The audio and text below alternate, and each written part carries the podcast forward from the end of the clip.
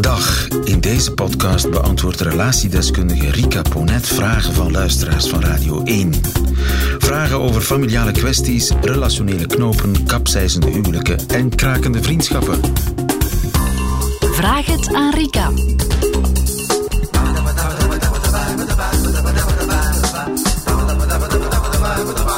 Welkom, Rika Ponet, relatiedeskundige, en helemaal klaar om eh, te antwoorden op vragen die zijn binnengekomen van eh, luisteraars.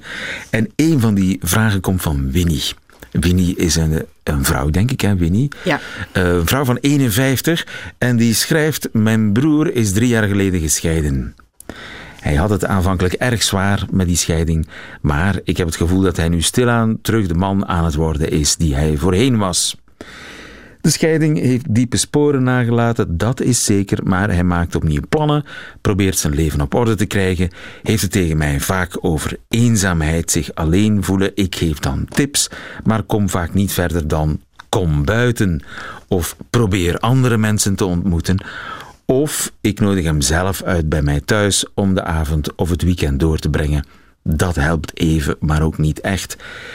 Ik voel me zo machteloos. Wat kan ik doen om mijn broer te helpen? Winnie, ware broederliefde. Eh, ja, Van. Winnie. Ja.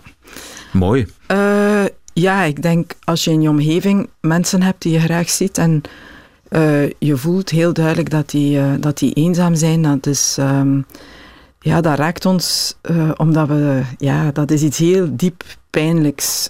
Hersenonderzoek heeft dat ook aangetoond, dat eenzaamheid, dat dat eigenlijk een vergelijkbare pijn is met eh, ernstige fysieke pijn.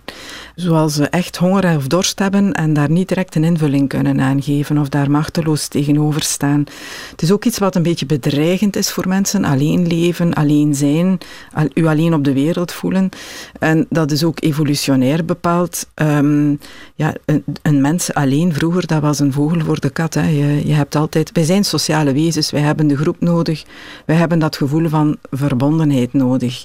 Nu, omdat dat zo'n Je kunt groot... toch ook single zijn? Dat kan toch? Absoluut, en daarom ben je niet eenzaam. Hè. Mhm. Het een is niet het andere. Eh, eh, mensen kunnen ook in een relatie zich heel eenzaam voelen. Zich, eh, absoluut. Nee, nee, nee. Het een valt niet samen met het andere. In dit verhaal nu wel, maar dat is zeker niet standaard zo. Ehm, nu, omdat dat zo'n groot... En dat merk ik toch wel vaker bij alleenstaanden dan bij mensen die dan in een relatie zitten. Omdat dat zo'n groot onbehagen met zich meebrengt, ehm, ook pijn, eh, zie je vaak dat mensen die eenzaam zijn of zich eenzaam voelen voor korte termijn invullingen gaan van dat probleem.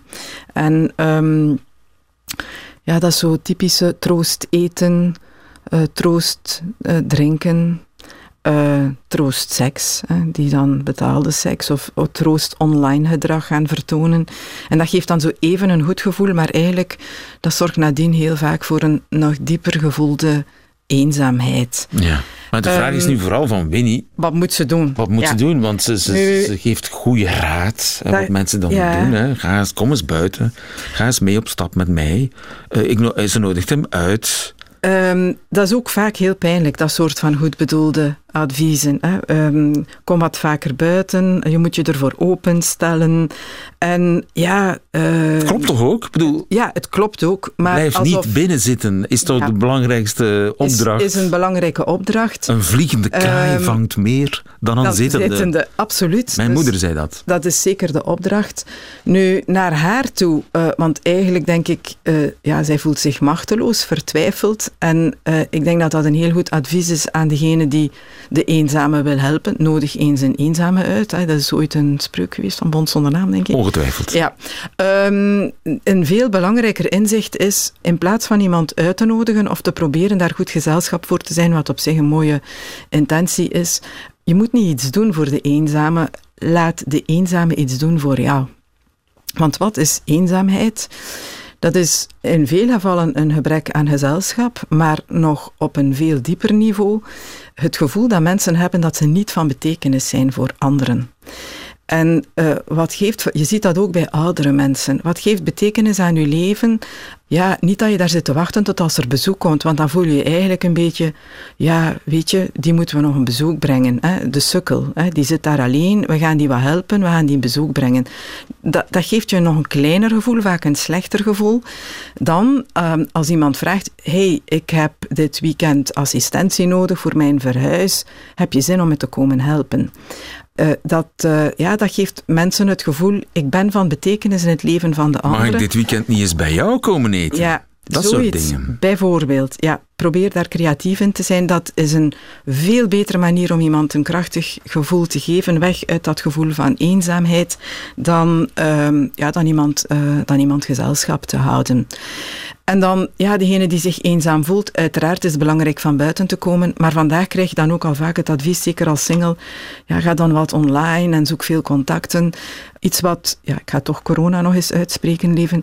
Um, ja, wat het virus ons geleerd heeft, is dat heel veel contacten hebben, dat dat eigenlijk niet de eenzaamheid doorbreekt. Wat belangrijk is, is kwaliteit van contacten. Je ziet dat ook uh, in die periode, als je contacten onderhield, je had met zo'n aantal mensen een heel intiem contact of een heel goed contact. En dat waren dan ook degenen waaraan je optrok. Uh, de veelheid aan contacten die we daarvoor hadden, die viel wat weg en dat misten we precies ook niet. En dat toont ook heel mooi aan. Um, als je je alleen voelt, is het heel belangrijk om te investeren in een aantal kwalitatieve contacten, om te proberen tot een aantal diepere vriendschappen te komen. Een heel grote opdracht, voor alle duidelijkheid. Ja. Niet zo simpel. Maar zeg je nu um, tegen uh, Winnie's broer, uh, blijf vooral van de apps af? Ja, zeker als je. Um, want wat merk je? Mensen die eenzaam zijn, hebben vaak het gevoel: ik word altijd afgewezen of de anderen willen mij niet. Hè. Dat voegt toe aan dat eenzaamheidsgevoel. En dat is een soort van self-fulfilling prophecy. Zij gaan, uh, doordat ze zich afgewezen voelen door anderen en hun lichaamstaal, ook iets uitstralen wat op terugtrekking wijst. Hè, van ik wil niet afgewezen worden, ik wil die pijn van de afwijzing niet ervaren. Dus en op dus, die apps gaan ze vooral ja, afgewezen worden? Gaan ze vooral af, want ze, ze gedragen zich eerder terugtrekkend. En dat zorgt er natuurlijk voor dat als ze in contact komen met iemand, dat dat helemaal niet vruchtbaar is. Dat wat ze denken eigenlijk ook nog eens bevestigd ja. wordt, omdat ze het ook zelf uitstralen. Ja. Dus de boodschap is, zorg voor een veilige context. Ik zeg maar wat, de wandelclub, waar je... Uh, vrijwilligerswerk. Vrijwilligerswerk, ja. Waar je face-to-face -face contact en waar iets kan betekenen voor anderen. En waar je face-to-face -face contact hebt met mensen, waar er ook wat ruimte is om een contact te ontplooien. Op Tinder zitten, daar is geen ruimte voor contactontplooiing. Dat is, daar word je afgewezen op basis van ja, een belachelijke foto. Uh, en dat voegt eigenlijk nog uh, iemand die, daar, uh, die daarmee om kan, is dat geen probleem. Hè. Uiteraard, als je niet eenzaam voelt, dan is dat prima op Tinder zitten. Maar wie echt zich eenzaam voelt en het gevoel heeft geïsoleerd te zijn, wordt daar alleen maar verder bevestigd in zijn gevoel van niemand moet mij. Hè. Ik word ook daar constant afgewezen, want dat gebeurt daar ook bij iedereen. Ja. Maar bij zo iemand komt dat dan dubbel hard binnen. En dat versterkt alleen maar de neiging om zich terug te trekken en zich verder te isoleren. Dus buiten komen, ja. Uh, investeren in kwalitatieve contacten. En dat is ook een verhaal van vallen en opstaan, zeker. En voor de omgeving, zorg dat mensen die eenzaam zijn, van betekenis kunnen zijn in jouw leven. Vraag hen om iets voor jou te doen in plaats van het omgekeerde. U zelf een vraag voor Rika Ponet? Stuur ze dan naar nieuwefeiten.radio1.be. En wie weet hoort u het antwoord in een volgende podcast. Namen worden sowieso veranderd.